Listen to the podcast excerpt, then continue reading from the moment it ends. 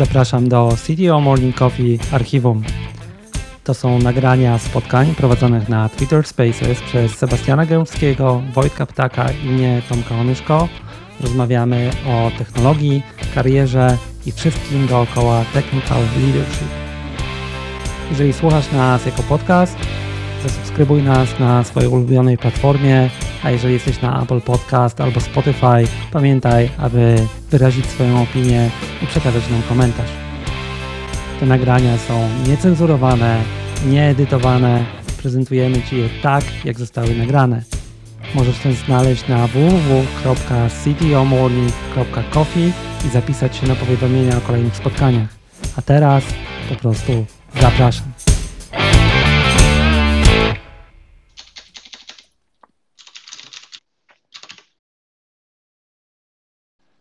Dobrze. Cześć, cześć, czy się słyszymy? Cześć, słyszymy się, tak mi się wydaje. Fantastycznie. Ja słyszę. Coraz więcej osób dołącza.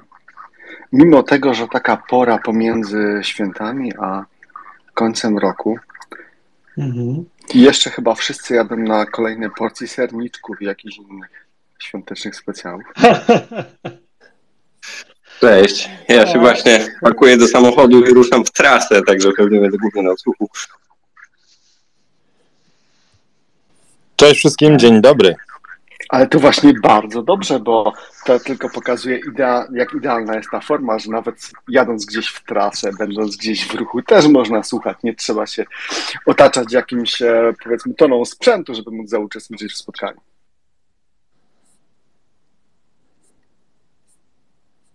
Dobrze. Pewnie będą ludzie dołączać jeszcze, zobaczymy. Od dzisiaj pora i dzień jest taki, że zobaczymy, jakie będzie towarzystwo. Eee, mamy 8.30, to co, zaczynamy?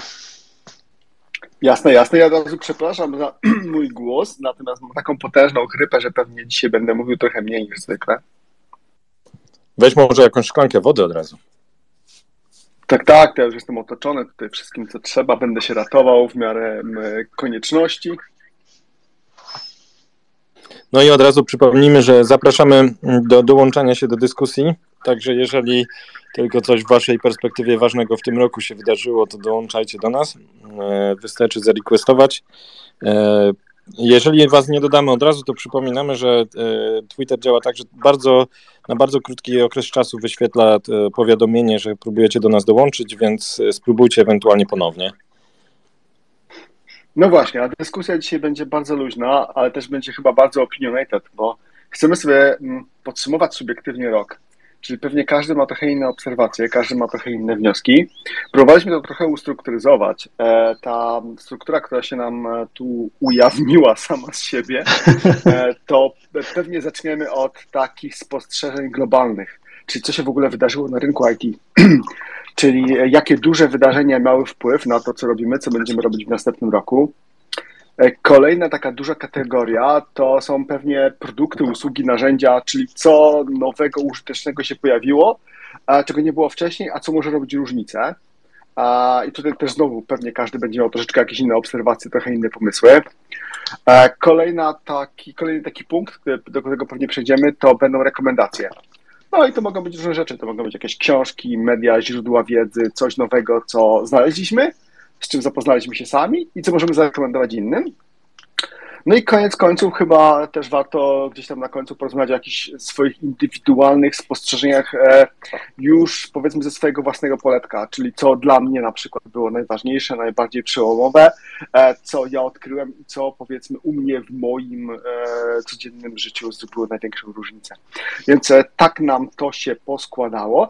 To co, pewnie zaczniemy od tych globalnych powiedzmy wydarzeń, które mm, zrobiły na nas największe wrażenie. Tomek, Wojtek, e, co Wam najbardziej wstrząsnęło? Co dla Was e, takiego najciekawszego się wydarzyło w 2021? Ja mogę iść na pierwszy, na pierwszy ogień. Dla mnie, słuchajcie, to jest bardzo ciekawy rok e, z jednego, z jednego punktu widzenia, który jest interesujący, bo jestem ciekaw, na ile to się też splata z pandemią, jakimś wypaleniem zawodowym. Dla mnie to jest rok awarii przede wszystkim. Każda Każda chyba y, duża firma bigtechowa zaliczyła spektakularną awarię, przynajmniej jedną w tym roku. I to jest, już nie mówię, wiecie, już sama firmy big techowe, ale generalnie jakość produktów, także software'owych, bardzo mocno spadła, mam wrażenie. I też pokazuje nam, jak bardzo jesteśmy uzależnieni od dostawców naszych produktów i co się dzieje w momencie, kiedy one nie działają. Więc to jest taki, jestem ciekaw waszego zdania, ale no mocne, y, mocne awarie w tym roku były. Ja nie wiem, czy to jest coś nowego. Może nie. na to zwracamy jakąś uwagę na co dzień. To ja może, ale generalnie wydaje mi się, no, no. To ja może użyję zdania nie swojego, tylko, bo akurat taki pan Corey Queen, jak ktoś go zna, to wie, że on tam potrafi włożyć szpilkę, fajnie to podsumował.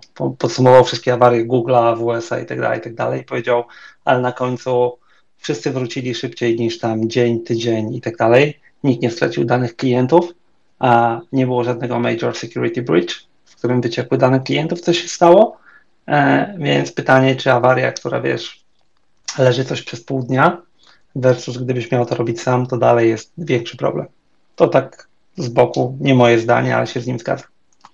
No, o tego Security Data Breach to akurat mamy Kubę, to mógłby nam pewnie coś opowiedzieć. Czy były jakieś, jakieś spektakularne? Problemy bezpieczeństwa były spektakularne, ale chodzi o data breach taki od dużego vendora, dużego softu. Nie? To się nie wydarzyło mhm. jeszcze. Jak to się wydarzy, to to będzie Black Swan dla firmy typu cloud, nie? ale na razie jeszcze się nie wydarzyło, albo inaczej dobrze to ukrywają. Czy jeden taki case był, ja nie będę rzucał nazwami. Dajesz. E, natomiast e, podobno, czy, ja nie wnikałem, bo to też e, powiedzmy aż tak bardzo nie zajmuję się technologią tej firmy, natomiast tam okazało się, że klienci mieli dostęp do, do swoich danych nawzajem, Natomiast e, firma zrobiła bardzo duży audyt i okazało się, że podobno nikt z tego dostępu nie skorzystał. Natomiast jak dobrze oni to udokumentowali, ten audyt, czyli faktycznie, że nikt nie skorzystał, no to nie wiem, bo nie wnikałem, tak jak mówię, jak to firmą się nie zajmuje. Natomiast tego typu fakapy też były. W ogóle ja mam takie wrażenie, jak, jak mhm. Wojtek powiedział, że było dużo awarii, ja mam takie wrażenie, że e, security z roku na rok jest coraz ważniejsze i jest coraz więcej firm, które zajmują się tym w sposób bardzo profesjonalny e, i jest coraz większa transparencja pewnych rzeczy, które się dzieją. Na przykład ostatnio żyjemy wszyscy Log4j. E, to jest coraz bardziej przebija się takiej świadomości, już powiedziałbym nawet powszechnej. A i mm, już się mówiło, że security jobs to jest taka sexy jobs e, i tak dalej, że to jest kierunek, w którym warto się rozwijać itd. itp., ale mam wrażenie, że każdy kolejny rok coraz bardziej to podkreśla. A i ten rok na pewno nie był wyjątkiem, ale powiedziałbym, że on tylko potwierdził ten trend. Ja może to podsumuję zręcznie i, i pójdziemy dalej, ale bo to trochę moja branża. Nie, nie do końca, ale powiedzmy Kuba pewnie więcej. Ale popatrz na to jeszcze tak, że e, powiedziałeś, że security staje coraz ważniejsze, a nadal w to nie inwestujemy, tak? To jedna rzecz. I dalej leżymy na tych samych rzeczach, nie? Więc jeżeli ja bym miał podsumować akurat z tego punktu widzenia, e, ja tutaj jestem powiedzmy poinformowanym pesymistą, tak to nazwę. Nie wierzę, że dużo się zmieni po tym roku i w przyszłym roku będziemy mieli dokładnie takie same problemy z security, jakie były w tym roku a, i firmy dużo z tym nie zrobią. E, nie mówię o globalnych dostawcach, tak? tylko mówię o firmach, które, które są konsumerami tego. Aczkolwiek jest, i na to się przekłada, i to jest taki, y, nie mamy go na liście nawet, ale to jest taki trend, który się gdzieś tam według mnie jest ważny i, i jakbym miał powiedzieć, to pewnie bym go teraz sobie dorzucił, to jest, y, że zaczyna działać ekonomia tych usług, nie? czyli co ja mówię przez ekonomię, Log4j E, wychodzi problem, nagle duża liczba klientów ma rozwiązanie dzięki temu, że korzysta z jakiejś tam ekonomii skali e, dostawców, tak? To takie coś, co się będzie gdzieś tam też rozwijać według mnie w przyszłości. Jeżeli mogę dwa słowa tutaj. Mhm, jasne. E, Log4j pokazał fajną rzecz, że firmy, które zainwestowały wcześniej w pewne rozwiązania, E, robienia inwentarza swoich bibliotek, rozwiązań klasy SCA, czyli Software Composition Analysis, które tam e, listują wszystkie biblioteki e, w kodzie, to te firmy rozwiązały problem Log4j w skali dni. Natomiast firmy, które nie mają tych rozwiązań, prawdopodobnie borykają, będą się z tym borykać miesiącami albo, albo po prostu tego problemu nie rozwiążą i kiedyś się okaże, że ich software jest podatny. Także ekonomia tutaj jak najbardziej będzie wchodziła w grę. Dokładnie tak. Dobrze. Mhm. Myślę, że y, to wszystko, na to wszystko nakłada nam się pandemia, ale może odstawmy ją na bok. Y, ale jeden, e, chciałem tutaj przejść do takiego e, punktu, który Sebastian nam rzucił na listę, a który ja będzie autoreklama albo kryptoreklama, o którym mówiłem zresztą na początku roku. Kto próbował kupić jakieś elektronikę w tym roku? O matko. Kto nie próbował? Ja kupiłem. Ja próbowałem, ale próbowałem to jest dobre słowo. Ja kupiłem. Trwało ja mogę powiedzieć, e, ja, ja, ci mogę powiedzieć, Tomek, że e, kupiłem sobie dokładnie rok temu w e, listopadzie kartę graficzną, która e, pół roku później była warta dokładnie trzy razy tyle, więc byłem bardzo zdziwiony różnicą cen. No to to jest taki przejaw yy, na rynku konsumer, nie? Bo ja też wpadłem na pomysł kupienia sobie w tym roku desktopa. Najlepsza decyzja, jeżeli chodzi o sprzęt ever yy, ostatnio. E, ale tak szerzej to, e, to jest ciekawe zagadnienie, tak? Bo my się borykamy w tym w naszym spin-offie pod Teddy, znowu reklama, ale wiecie, generalnie w tej chwili problem polega na tym, nie ile możesz sprzedać, tylko ile możesz wyprodukować, nie? I na tym punkcie ciekawie wygląda też to, jak to się przekłada na ewentualny rozwój tego, co się dzieje dookoła nas w IT w ogóle, nie? No bo e, to jest kwestia skalowania tych usług, z których wszyscy korzystamy, tak? Dostępności sprzętu i tak dalej. Wiecie, ja nie wiem jak u Was, ale nam onboarding e, sprzętu czasami potrzebujemy 2-3 miesiące, żeby zamówić głupiego laptopa. I nie wygląda, żeby ten problem się rozwiązał, więc wydaje mi się, że w przyszłym roku on z nami zostanie To jest taki temat, o którym tutaj można byłoby mówić miesiącami. Ja postaram się e, bardzo krótko. Generalnie nie chciałbym dotykać tematów polityki, natomiast się bardzo mocno wiąże z polityką. E, pewnie jeszcze przy okazji rekomendacji będziemy o tym mówić. Natomiast e, no, okazuje się, że właśnie ten globalny łańcuch dostaw, zwłaszcza jeżeli chodzi o układy scalone, to nie jest aż tak zdecentralizowany i aż taki globalny, jakby się wydawało. Fabryki, tak jak fabryki TSMC na Tajwanie, są bardzo podatne na jakieś zablokowanie gdzieś tam w jednym punkcie tego całego łańcucha dostaw. W ogóle napięcia polityczne wokół Tajwanu, te, które się dzieją na pewno też nie sprzyjają.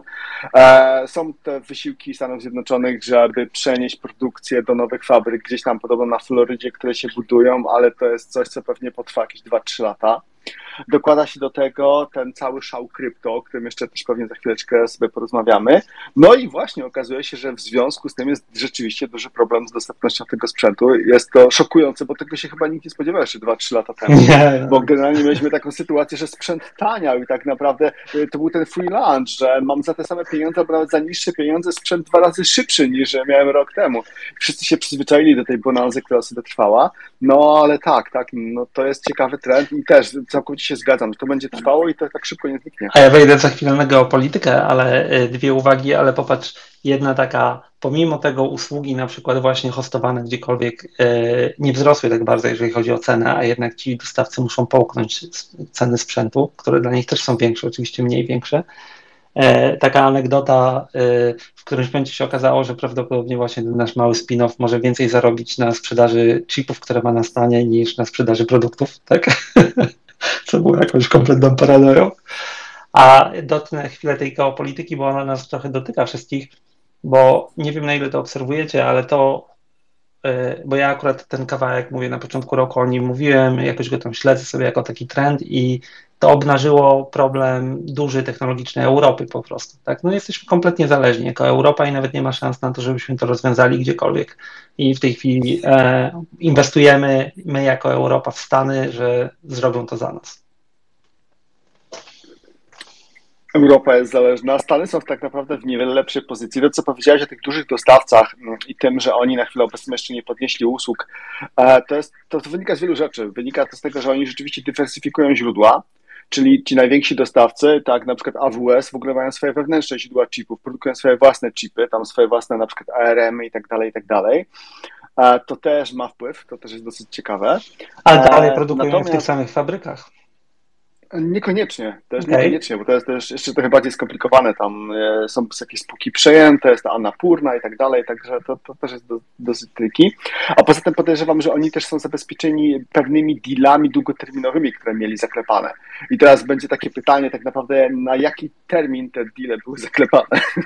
czy właśnie gdzieś te terminy się nie kończą i czy tutaj w tym, w tym obszarze też nie zaczną się jakieś ciekawe historie w najbliższym czasie? No ale nie mam tej wiedzy, więc mogę sobie -hmm. spekulować, a że spekulować nie lubię, to może na tym poprzestanę. E, tak, e, więc jeżeli chodzi o rzeczywiście o ten sprzęt, to jest duże zaskoczenie. To podsumowanie numer jeden od ciebie. podsumowanie numer jeden ode mnie. E, znaczy tak, jeżeli chodzi o mnie i to, co mną jeszcze najbardziej tutaj wstrząsnęło właśnie, jeżeli chodzi o te kwestie takie zupełnie globalne, to mm, jak dla mnie to był rok dwóch tematów. E, to był po pierwsze rok tematu szeroko rozumianego krypto i blockchaina i za chwilę rozwinę, o co mi biegam, a po drugie takiej demokratyzacji ML-a.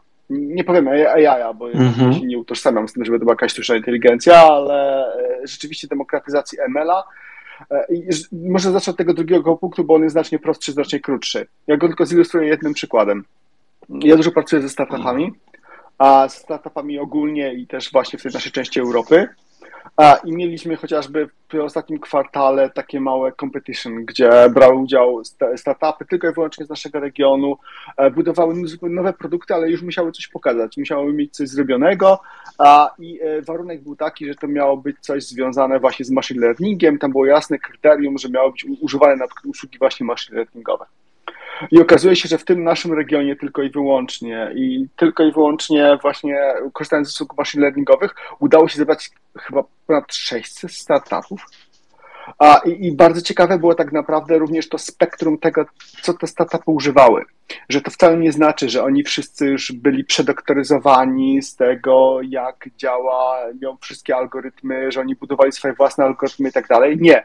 Bardzo często to było właśnie bardzo kreatywne składanie z klocków czyli traktowanie machine learningu jako black mhm. boxa i wpinanie go w usługi bardziej tradycyjne po to, żeby mm, uzyskać jakąś synergię, żeby dać coś więcej, żeby jeszcze dać usługę, która będzie takim powiedzmy, nie wiem, podpowiadaczem, trusted advisorem i tak dalej.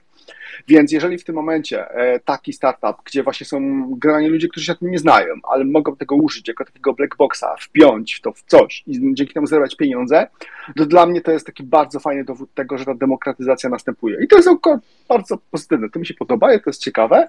Oczywiście jest duży hype i czasami to jest bez sensu, ale zakładam, że w, w tych 100% e, że tak powiem, populacji, to, to jeżeli chociaż 10% będzie miało sens, albo 20% będzie miało sens i się obroni komercyjnie, to ja już będę trąbił, że to jest duży sukces. To ja do tego się mogę też odnieść. E, e, do części tej ML-owej w produktach nie się odniosę, jak przejdziemy do produktów, bo to jest druga część naszej dyskusji. Natomiast dla mnie w ML-u i w AI-u wydarzyło się kilka fajnych rzeczy.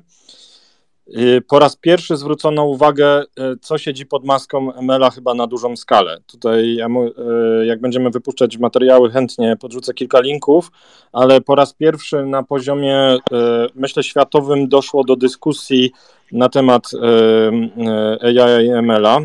Jest pierwsze badanie Organizacji Narodów Zjednoczonych o wpływie AI na prywatność i na zagrożenia dla demokracji. E, to jest mniej więcej z połowy tego roku.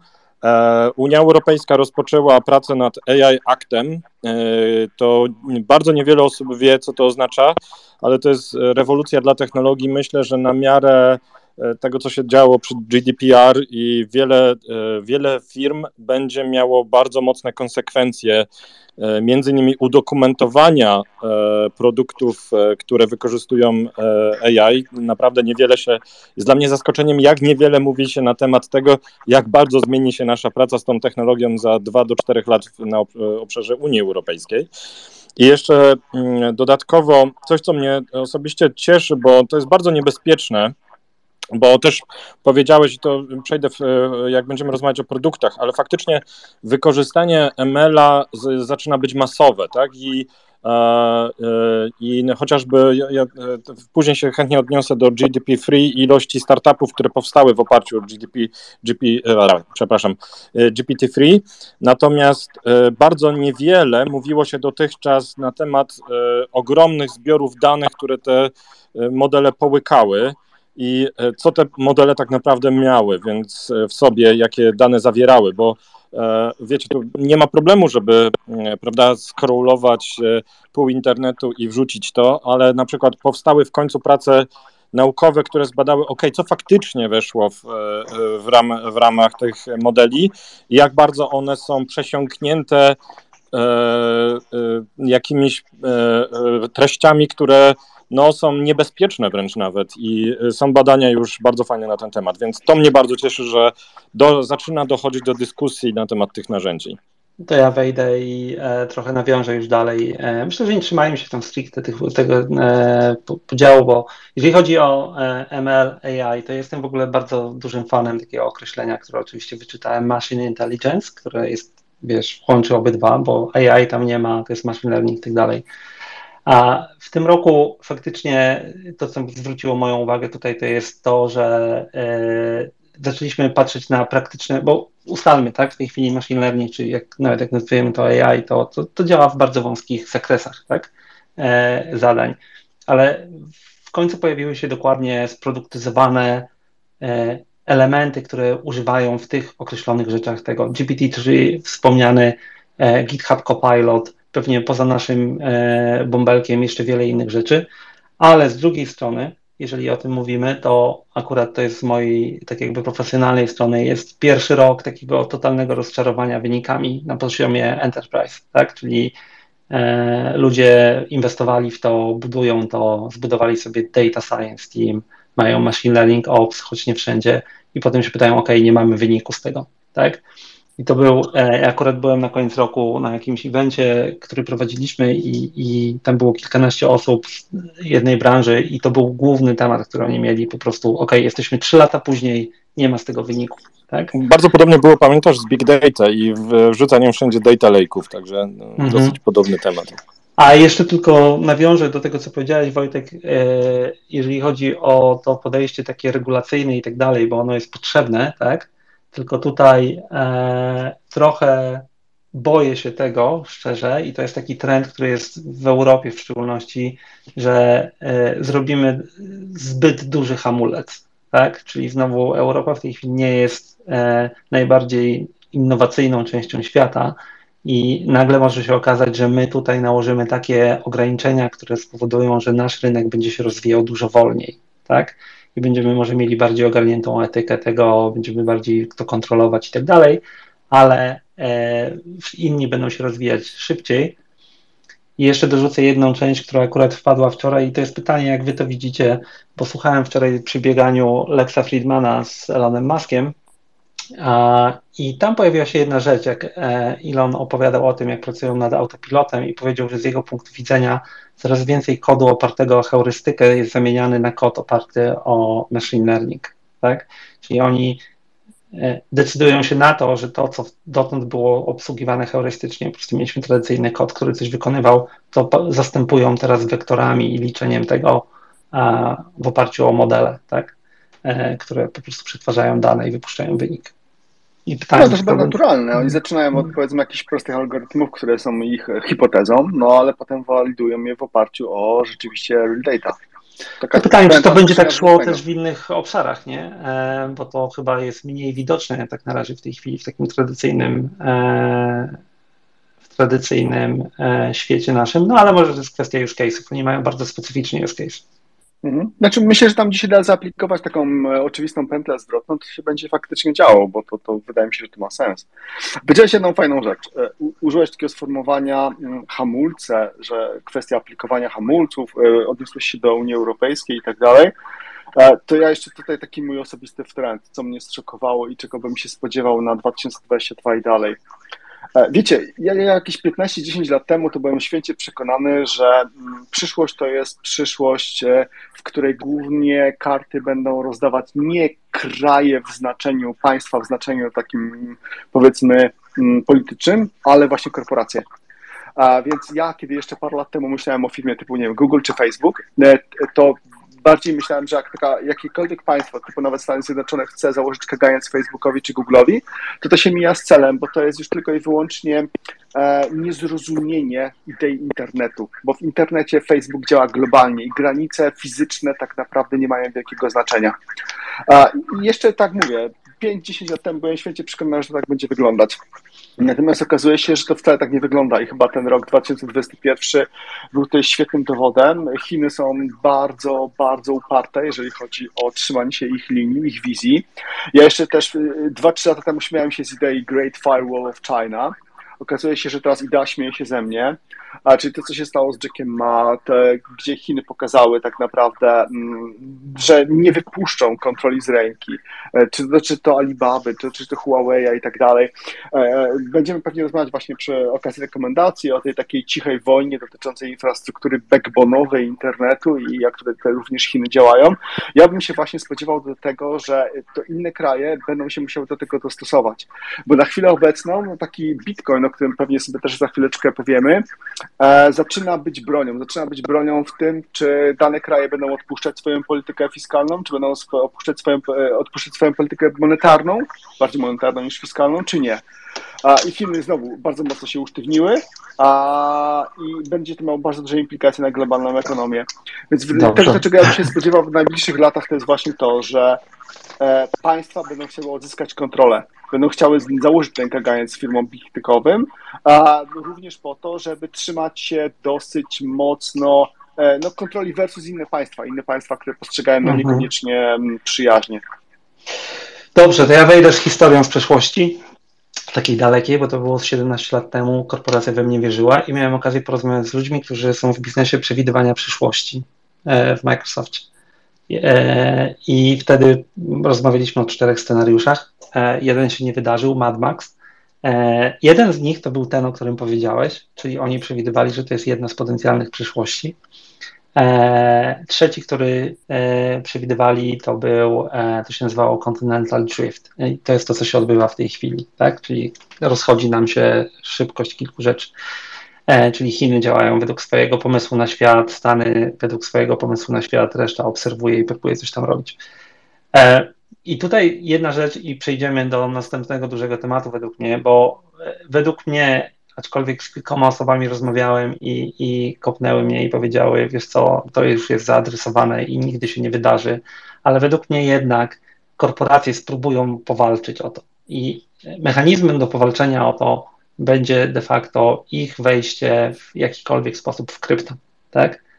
E, I to nie będzie krypto typu Bitcoin czy coś takiego, tylko te korporacje spróbują się uniezależnić od systemu monetarnego państw, tak?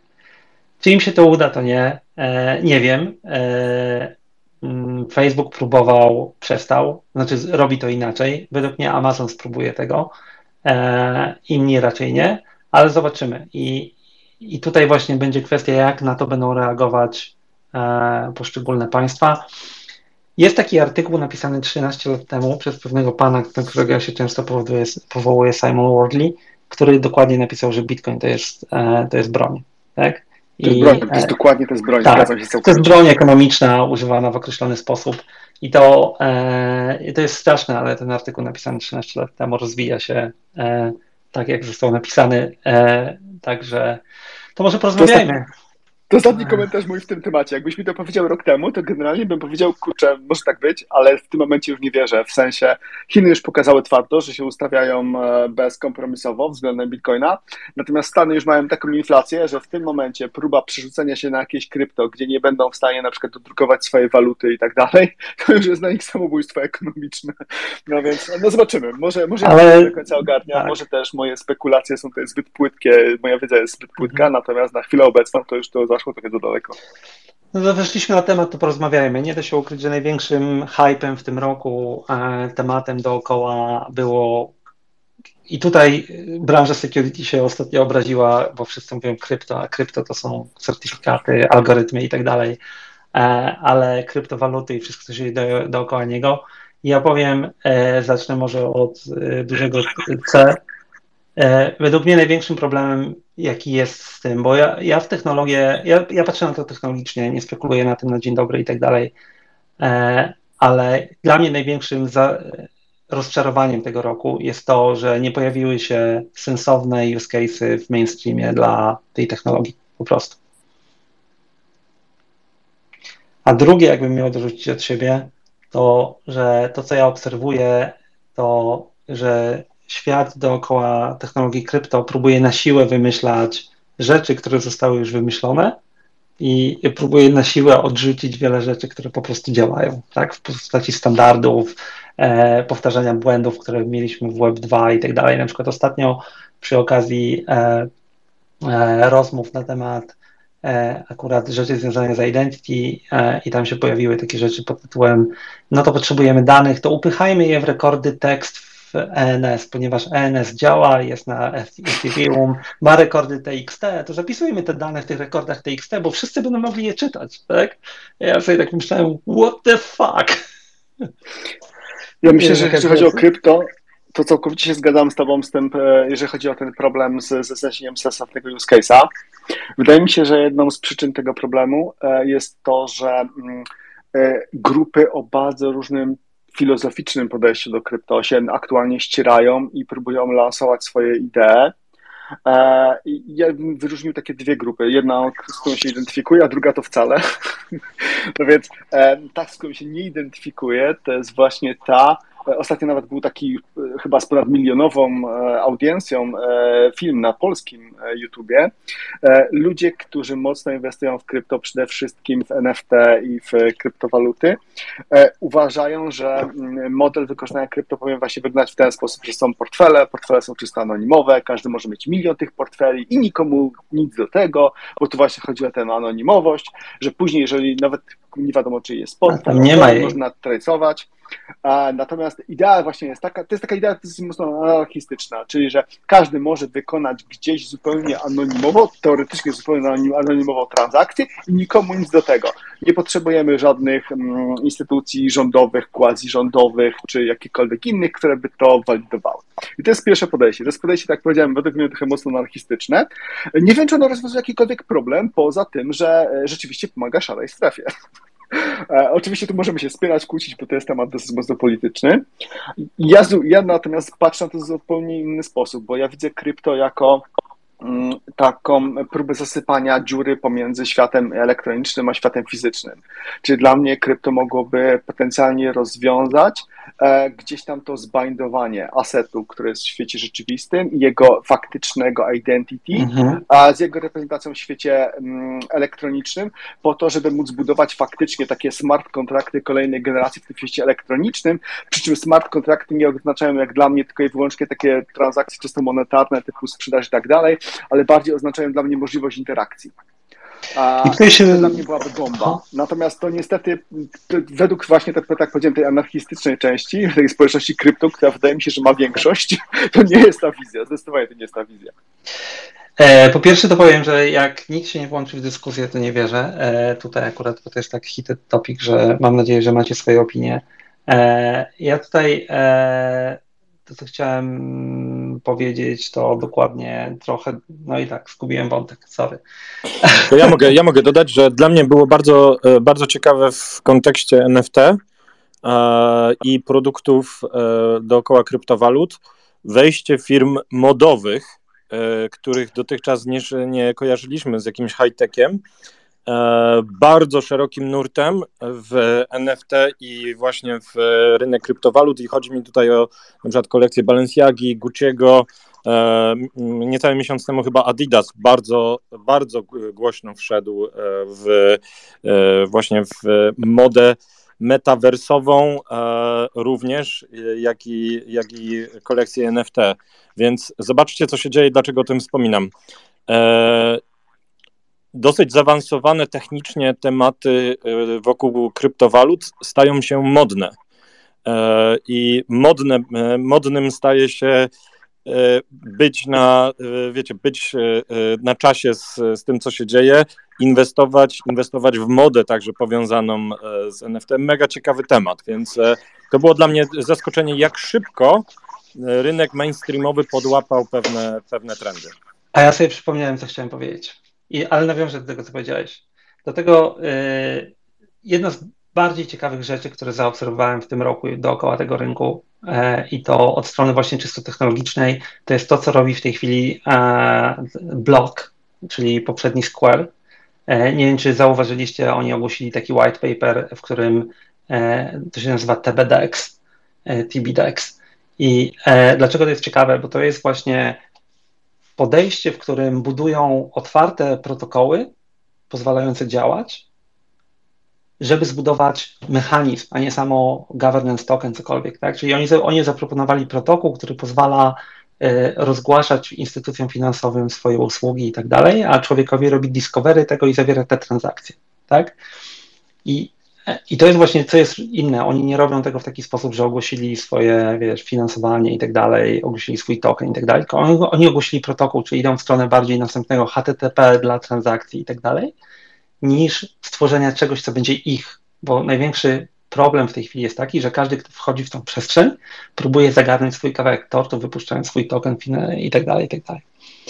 A teraz nawiązując do tego, co e, powiedziałeś, Wojtek, to, e, to jest akurat dość naturalne. Ja sobie robiłem, używając akurat map WordLaya, jakiś tam, rozrysowałem sobie, jak może wyglądać przyszłość NFT i okolic. I jedną z głównych rzeczy dookoła NFT w tej chwili to oprócz monetarnej wartości, która gdzieś tam waluacje sobie latają i w ogóle to jest, odstawmy na, to na bok, to jest to, jak ludzie używają tego do robienia e, klubów tak naprawdę, tak? I to jest an, analogicznie, tak jak w tej chwili mamy country clubs, gdzie są ludzie, którzy te mają pieniądze i po prostu załatwiają biznesy między sobą, to e, powstają country clubs tylko w oparciu o NFT, tak jak Board Yacht, e, e, Apes i tak dalej. Dlaczego? Bo tam musisz wchodząc mieć milion złotych, dwa miliony złotych, żeby wejść. Jeżeli zainwestowałeś dwa miliony złotych w rozmowę z ludźmi i każdy z nich ma co najmniej dwa miliony złotych, to rozmawiać o innych rzeczach, tak? E... Słuchajcie, ja mam wrażenie, że na odcinek dotyczący NFT i ogólnie krypto to Ale teraz, materiału. Teraz chciałem tylko jeszcze się odnieść do tego, co Wojtek powiedział, bo to jest powiązane. Dlaczego?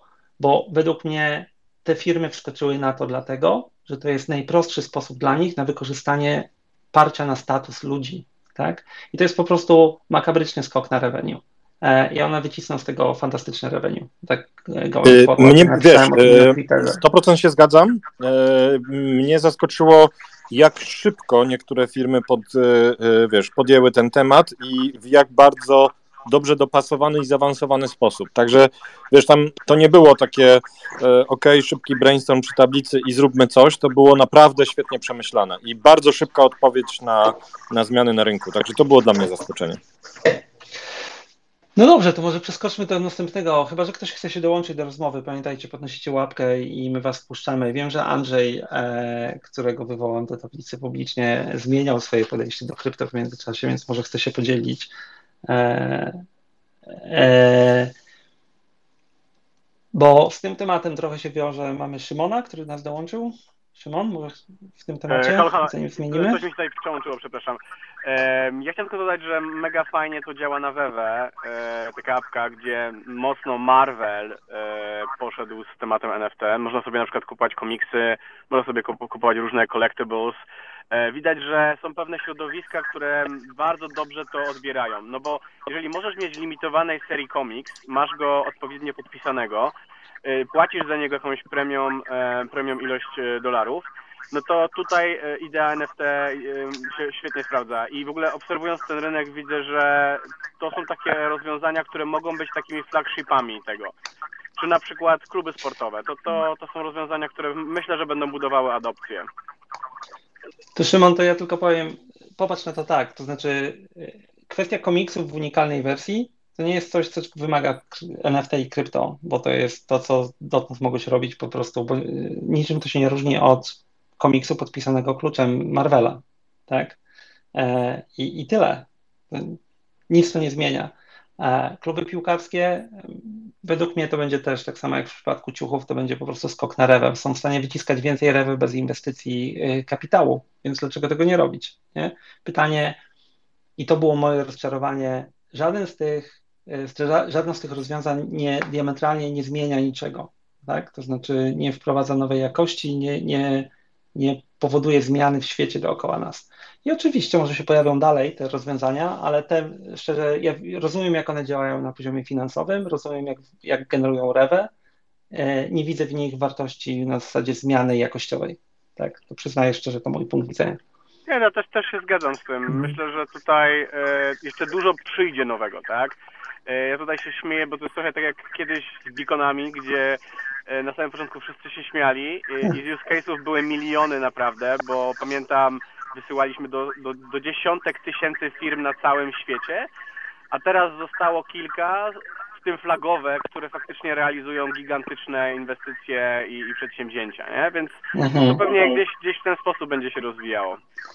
Oklejałem beaconami nasze biuro. Nie wiem, czy waszymi, ale tak.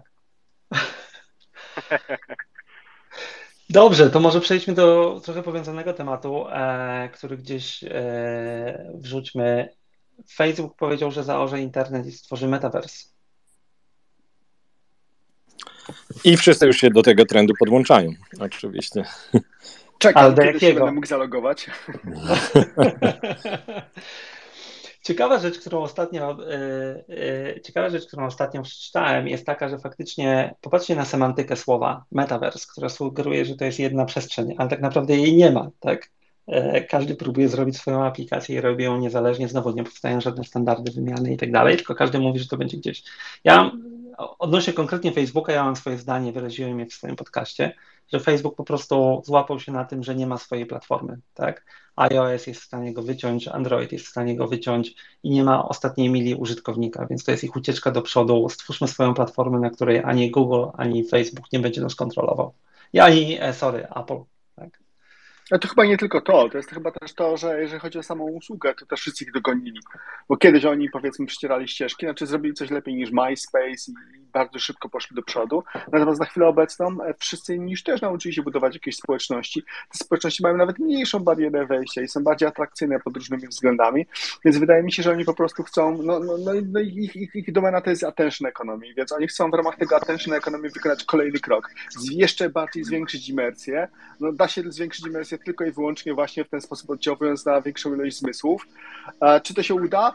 Ja może będę sceptykiem albo nie wiem, jakimś starym tetrykiem albo nie wiem kim, ale moim zdaniem się nie uda, przynajmniej jeszcze przez 15 lat. Konkretnie w przypadku Facebooka czy Meta, jak używając teraz, tak? Bo technologicznie Metaverse nie istnieje w tej chwili. To jest hands down. Nie? Ani nie ma sprzętu, ani nie ma rozwiązań, które by pozwoliły na tym działać. Microsoft buduje swój, Facebook buduje swój, ktoś inny buduje swój. A, e, ale zauważ tutaj jedną w przypadku akurat konkretnie Facebooka y, czy Meta, muszę się przyzwyczaić. Oni w tej chwili umierają. To znaczy ich populacja użytkowników, inflow użytkowników umiera. Nie wiem, czy widzieliście newsa z zeszłego tygodnia. TikTok jest najbardziej, naj, najczęściej używaną domeną według Cloudflare w tym roku. Przeskoczył Google'a, Facebooka, Microsofta, Apple, tak? I każdy użytkownik TikToka nie jest prawdopodobnie użytkownikiem Facebooka. Ja nawet cytowałem u siebie dane takie, które pokazują, że e, Facebookowi najszybciej rośnie ilość użytkowników w segmencie tam 40 kilka plus, a nawet 60 plus, którzy po prostu nie wydają na nich pieniędzy. Tak, i nie są atrakcyjni z punktu widzenia e, ten. Więc generalnie Facebook jest w sytuacji, w której nie ma platformy, nie kontroluje ekosystemu dotarcia do użytkownika. Apple pokazał zmianę w aplikacjach, że jest w stanie go odciąć, jeżeli nic się nie zmieniło, to mniej niż 15% użytkowników. Przede wszystkim, prawda, od revenue, czyli tak. od rynku e, reklam, bo to jest. Oni zostali tak, bo oni mają jeden produkt, re, reklamy, i oni zostali w tym roku odcięci, krótko mówiąc, od income. I teraz to jest ich. Oni mają zasoby pieniężne i to jest ich bet pod tytułem zbudujemy miejsce, w którym my będziemy kontrolowali stream użytkowników i dotarcie do towaru. Tak? E, e, Także tutaj jest e, według mnie, zobaczymy jak się to rozwinie, to jest według mnie ciekawe, bo to jest ruch Facebooka na to, żeby przetrwać tak, w tym świecie.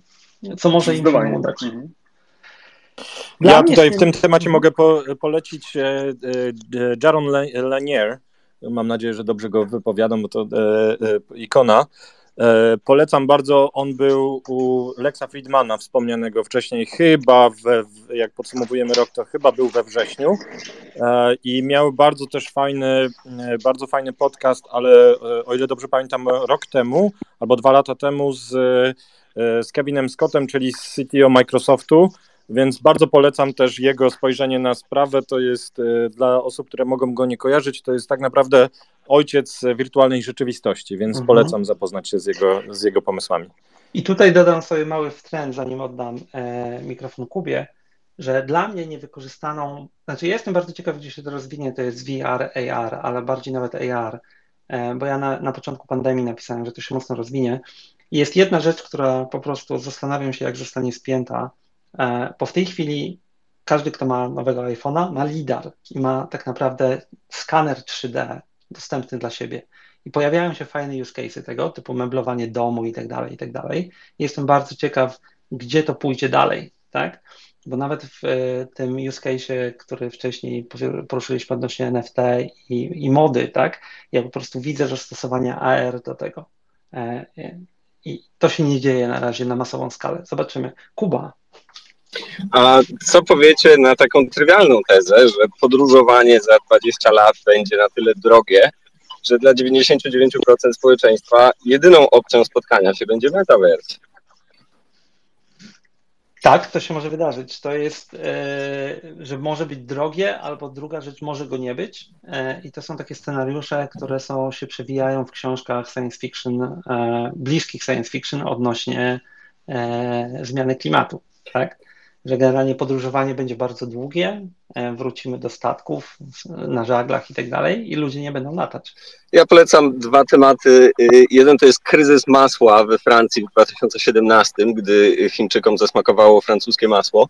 Zaczęło go brakować na półkach w sklepie we Francji, ale też są e, sytuacje jak na przykład z Nową Zelandią, która przerzuciła się z hodowli owiec na krowy, dlatego że bardziej im się opłacało e, eksportować mleko i, i takiej sytuacji pewnie może być więcej, albo Wenecja zalewana przez, y, przez y, turystów z Azji.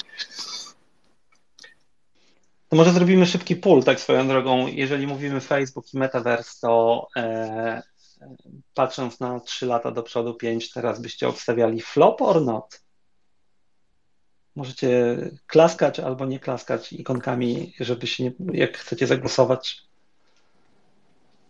Okej, okay, to ja, ja ze swojej strony powiem, że e, obstawiam, że się uda, bo to, co mnie zaskoczyło w tym roku, to e, jak powiedziałeś, że to jest bet, e, to wielkość tego betu. W sensie, jak wiecie, Facebook mniej więcej półtora miesiąca temu ogłosił zatrudnienie 10 tysięcy specjalistów w Europie, którzy będą właśnie budować metaverse. Co oczywiście wielu firmom przysparza ciarku, ciarek na plecach. Więc to jest dla mnie bardzo ciekawe, jak bardzo oni chcą w to wejść i wydaje mi się, że im się uda. Nie, jak dla mnie to flop zdecydowanie, bo to się nie uda z tej prostej przyczyny, że ludzie potrzebują bardzo szybkich, bardzo prostych, bardzo płytkich interakcji, mają bardzo krótki attention span, a e, taki metavers, on dla mnie ciągle brzmi jako próba naśladowania świata rzeczywistego, odbudowania go gdzieś tam w jakiejś przestrzeni wirtualnej i to będzie albo zbyt skomplikowane, albo mimo wszystko będzie ciągle zbyt uproszczone, żeby być substytutem tego, co mamy naprawdę, więc e, nie wierzę. Może kiedy się pojawią już takie naprawdę neurointerfejsy, które oddziałują bezpośrednio na mózg, ale od tego jesteśmy bardzo, bardzo daleko. A ja będę po środku i powiem, że e, coś się wydarzy, ale nie będzie to Facebook. E, to znaczy e, pójdzie w to technologia, z, pojawi się skomodytyzowanie tego AR, o którym mówiłem, augmented reality, e, zobaczymy z czym wyjdzie Apple i tak dalej i zaczniemy tego używać w jakiś sposób, ale to nie będzie Facebook. Dlaczego? Bo ludzie są nim zmęczeni i tutaj możemy pociągnąć temat digital fatigue i, i okolic, tak? ale ludzie są tym zmęczeni po prostu. Tak? Dlatego zmiana nazwy Meta. Nie, no, słuchajcie, właśnie, może, może jakiś inny no, temat, też. Rozmawialiśmy o narzędziach. Ja rzucę takie trzy swoje nazwy, trzy swoje narzędzia albo około narzędzia, które jak dla mnie zrobiły różnicę w tym roku. E, pierwsze to jest ARM-y, E, Apple postawił na ARM-a. W to też nie wierzyłem na początku, e, bo stwierdziłem, że jednak to bariera wejścia, czyli właśnie kwestia przekonania wszystkich do mm, kwestii zmiany kompilatorów i tak dalej, i tak dalej, żeby rzeczywiście wszystko dało się uruchamiać na armowym MacBooku, to jest duża kwestia, ale okazało się, że postawili na tego ARM-a i mają no, niesamowite efekty, bo jednak jak się porówna wydajność tych nowych, zwłaszcza tych nowych procesorów, to jest w ogóle kosmos. E, taka tajemnica że to się też dzieje po tej stronie serwerowej, już niekoniecznie przez Apple'a, natomiast no, to jest ten trend, który według mnie e, się sprawdził, bo to jest taki fajny quick win w sumie.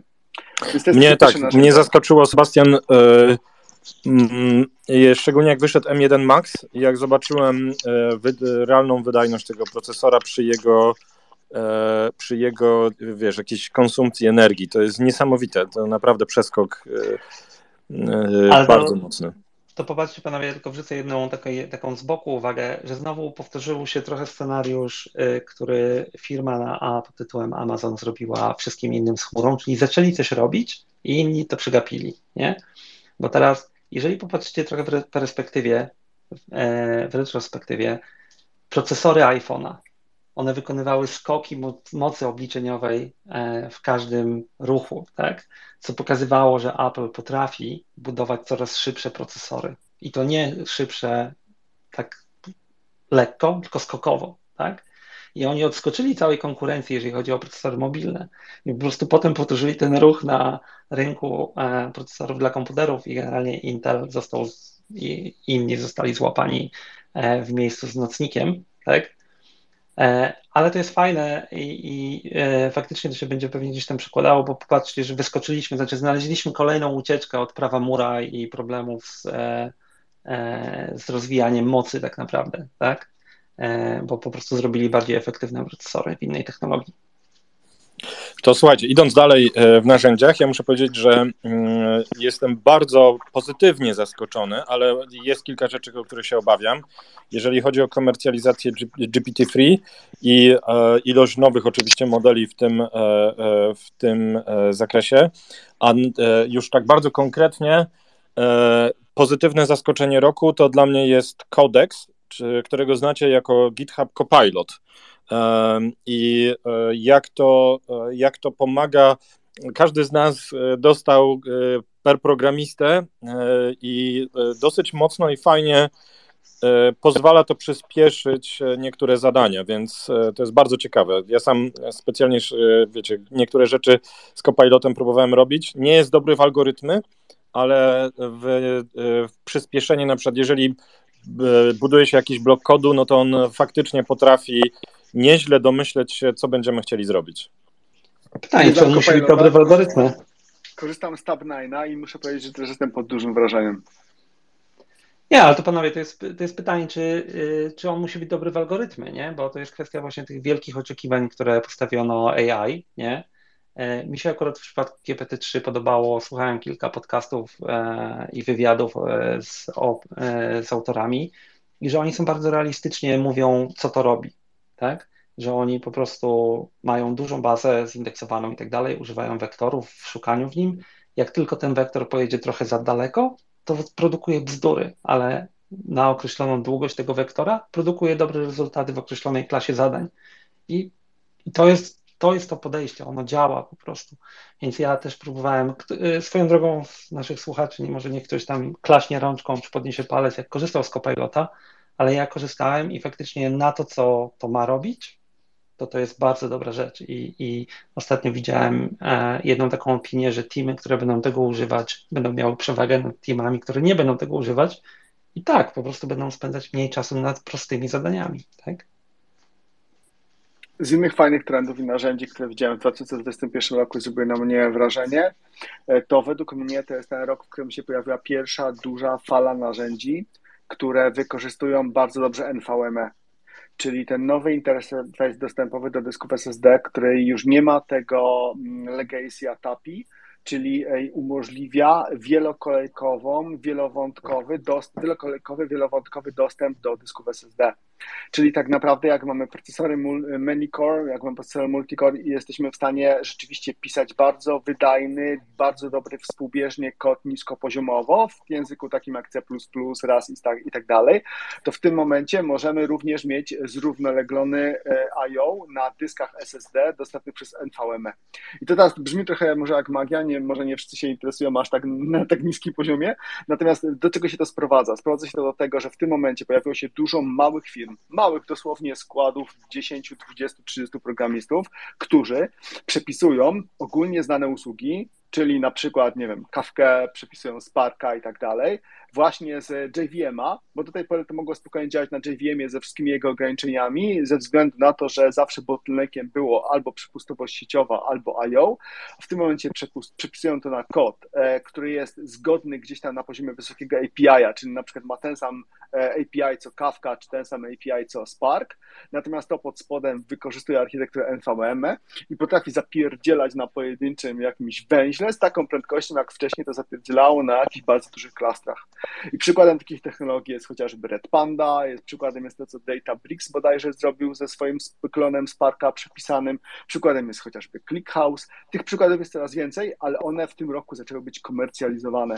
I tam, jak się pojawiają w benchmarkach prędkości 10 razy tyle, co ten stary, powiedzmy, legacy equivalent, to to nie są wartości przesadzone. I dlaczego to jest według mnie ciekawe? No nie tylko dlatego, że to jest coś, po prostu coś, co zaraz znacznie szybciej. Bo jesteś geekiem. Dlatego, że to jest, nie, nie, nie, że to jest space dla tych wszystkich małych firm i te małe firmy mogą wstrząsać tymi wielkimi behemotami, które mają tak naprawdę bardzo duże bazy kodu gdzieś tam do utrzymywania, a w tym momencie wchodzi mała firma z bardzo takim laser fokusem na jakiś pojedynczy produkt, może zapro zaproponować coś, co jest już battle proven, bo daje ten API, który został był sprawdzony, daje swój drop-in replacement tej nowej usługi no i ma świetny biznes model, ma świetny tak naprawdę no, autostradę do sukcesu. Bardzo mi się to podoba, bardzo mnie to kręci e, i, i trzymam kciuki. Ja przyznam szczerze, że zwróciłeś mi na to uwagę swoim wpisem na blogu No Hit Switch o tym. E, tylko to taka myśl i to, to, dokładnie jest to, co powiedziałeś w tej chwili, bo e, to jest taka rzecz, która nie trafi do zwykłego programisty. E, muszą się pojawić e, firmy, które albo właśnie nawet duzi, duzi dostawcy, którzy Y, zrobią abstrakcję tego, nie? Czyli wiesz, albo właśnie tak jak powiedziałeś, ktoś zrobi produkt, który replikuje coś, który działa dużo szybciej, albo frameworki zaczną to implementować, tak? Bo dla zwyczajnego programisty w tej chwili e, takiego średniego, e, szczerze, to jest taki poziom abstrakcji, że mm, nie, nie, nie są w stanie według mnie e, w to wejść, nie? Ale jeżeli na przykład właśnie dostawcy chmury, dostawcy usług konkretnych zaczną to implementować, to będziemy mieli znowu ucieczkę od ograniczeń silikonu przez taką technologię poboczną, która da nam przyspieszenie, tak? Ja słuchajcie, dodam z troszeczkę innej, e, innej półki, jeżeli chodzi o produkty. Dla mnie e, duże kudosy dla Microsoftu za vscode.dev i pewnego rodzaju demokratyzację IDE E, myślę, że dopiero zobaczymy, co to oznacza, bo bardzo łatwo teraz jest współdzielić całe środowiska mm, deweloperskie w przeglądarce. I e, fajny, bardzo fajny, ciekawy krok, który według mnie był nie do, niewystarczająco zauważony na rynku. To jest moja osobista opinia. No ja na JetBrains Fleets, bo już jest podobno pre, pre, private preview. Tak, tak, JetBrains idzie też w tym kierunku. A ja, ja nawet o tym pisałem u siebie e, w newsletterze, bo tak, bo to jest ta demokratyzacja idei, tak? E, I też e, tutaj po prostu VS Code jest fantastycznym przykładem tego, jak można użyć open source tak naprawdę, albo otwartego modelu do tego, żeby zaorać rynek. Ja wczoraj znalazłem tool, taki ja używam Obsidiana do notatek, wiem, że Sebastian używa też, się okazało, że ktoś zrobił Obsidiana Visual Studio Code e, jako plugin do działania na plikach. Nie? I bezpośrednio masz go podłączonego od razu do GitHuba. To, to jest e, tak, to po prostu e, generalnie VS Code jest. I popatrzcie też tak swoją drogą całkiem z boku, jak Microsoft potrafił usunąć siebie z obrazka. Ludzie używają tego VS Code i e, po prostu nawet już pewnie nie kojarzą, kto go produkuje. Tak? tak mówicie o demokratyzacji IE, to ja bym powiedział, że tutaj jest też inny trend, który robi tutaj różnicę. To jest trend osadzania wszędzie notebooków. Czy jest coraz więcej narzędzi, narzędzi zarządzanych, gdzie nie trzeba się samemu martwić deploymentem, które dają e, ludziom, którzy niekoniecznie nawet mają powiedzmy super skille programistyczne, wykształcenie, background i tak dalej, dają dostęp do pracy z kodem w bardzo wygodny i wizualny sposób. Strasznie mi się to podoba, strasznie mnie to kręci i też to, to jest trend, za który trzymam kciuki. Który jeszcze, jak dodasz do tego e, Hugging Faces, to jest naprawdę, e, mamy e, tak naprawdę jeszcze demokratyzację olbrzymich modeli i teraz możliwość, wiecie, takiej, takich szybkich prób konceptów na bardzo wysokim poziomie jest niesamowita, jest dużo, dużo wyższa o całe eony chyba, wiecie, jeżeli chodzi w porównaniu do na przykład 5 lat temu. Co trzeba było 5 lat temu postawić na infrastrukturze, żeby mieć takie możliwości jak teraz na tablecie, który podłączam sobie, słuchajcie, tylko do internetu i, i mogę działać. Słuchajcie, bo czas nam się powoli kończy, to może właśnie przejdźmy do tych rekomendacji jeszcze na koniec, wykorzystajmy te parę minut. Co hmm. ciekawego przeczytaliście, obejrzeliście, czym byście chcieli się podzielić, e, bo uważacie, że warto podzielić się tym Dobrze, może ja zacznę. E, wiem, że nam się niektóre rekomendacje pokrywały, Sebastian, więc zostawię Tobie kilka. E, ja, jak to ktoś powiedział, ostatnio moje czytanki są all over the space, czyli generalnie dość szeroko idę, ale faktycznie w tym roku dużo się skupiłem na zrozumieniu mechanizmów dookoła nas i jakieś wyciągnięcie rzeczy. I jakby miał Wam podzielić kilka książek, to one nie są technologiczne, tylko dookoła tych trendów raczej, tak? Jest bardzo ciekawa książka The Dragons and the Snakes, uh, How the West Learned to Fight the West. Uh, i, I to jest bardzo ciekawa książka, która przekłada się na to, o czym mówiliśmy, rozejście się kontynentów i tak dalej, i tak dalej. Uh, I, I ona mi poukładała kilka rzeczy, jak myśleć o tym, więc polecam. Historycznie w tym roku trafiłem na taką książkę, która nazywa się Post-War, a History of Europe since 1945, czyli po 1945, która mi, mieszkającemu w Polsce, pokazała ileś mechanizmów, które się wydarzyły w naszym kraju, które ukształtowały też całą naszą ten. I są dwie takie pozycje, które e, mocno, jedną e, wróciłem i przeczytałem, to jest generalnie Incerto Massimo Taleba, e, w szczególności Anti-Fragile Skin in the Game, a taka nowsza to e, Ray Dalio i e, Principles of Navigating Big Debt Crisis, czyli mechanizmy e, działania systemów monetarnych i tak dalej. I wiem, że jak na rozmowę CTO to jest dziwny zestaw, ale tak naprawdę on układa myślenie o, właśnie o takich trendach, które się dzieją, które widać, dlaczego Chiny blokują bitcoina, tak? albo dlaczego chipy są ważne dla rozwoju kraju. Tak? Wojtek, Sebastian? Wojtek, dajesz? O, dla mnie to był, e, powiem szczerze, e, rok powrotu do klasyków, bardzo wielu, e, łącznie z tym, że usiadłem sobie spokojnie, żeby połączyć kropki, ponieważ dla mnie to był też rok kryzysu modelu agile i produktywności i docierał do mnie z wielu stron, więc chciałem sobie połączyć na nowo wiele kropek, więc ja przyznam szczerze, w tym roku usiadłem do klasyków od DDD Evansa przez wszystkie kolejne pozycje dotyczące strategii leadershipu, developmentu, więc muszę powiedzieć, że przeczytałem co najmniej kilkanaście pozycji, które pewnie niektóre mają po 15-20 lat i muszę powiedzieć, że na nowo mi się połączyły kropki, więc ja osobiście rekomenduję raz na jakiś czas powrót do tych klasyków. E, no i sporo przemyśleń mam na ten temat, więc to pewnie jakiś osobny odcinek możemy zrobić. O, to możemy pogadać, bo ja też mam ciekawe przemyślenia, ale chyba moje są coraz bardziej krytyczne. Odcinek, odcinek o Agile nam się, odcinek o Agile nam się szykuje od kilku tygodni, więc... Słuchajcie, jeżeli chodzi o moje rekomendacje, to tak na, na szybko. Ja bardzo polecam świeżą książkę Jacoba Helberga, to jest były gość z Google'a, chyba gdzieś tam na poziomie VP się kręcił. Książka ma tytuł Wires of War i generalnie książka dotyczy właśnie tak zwanej pseudowojny o backbone internetu.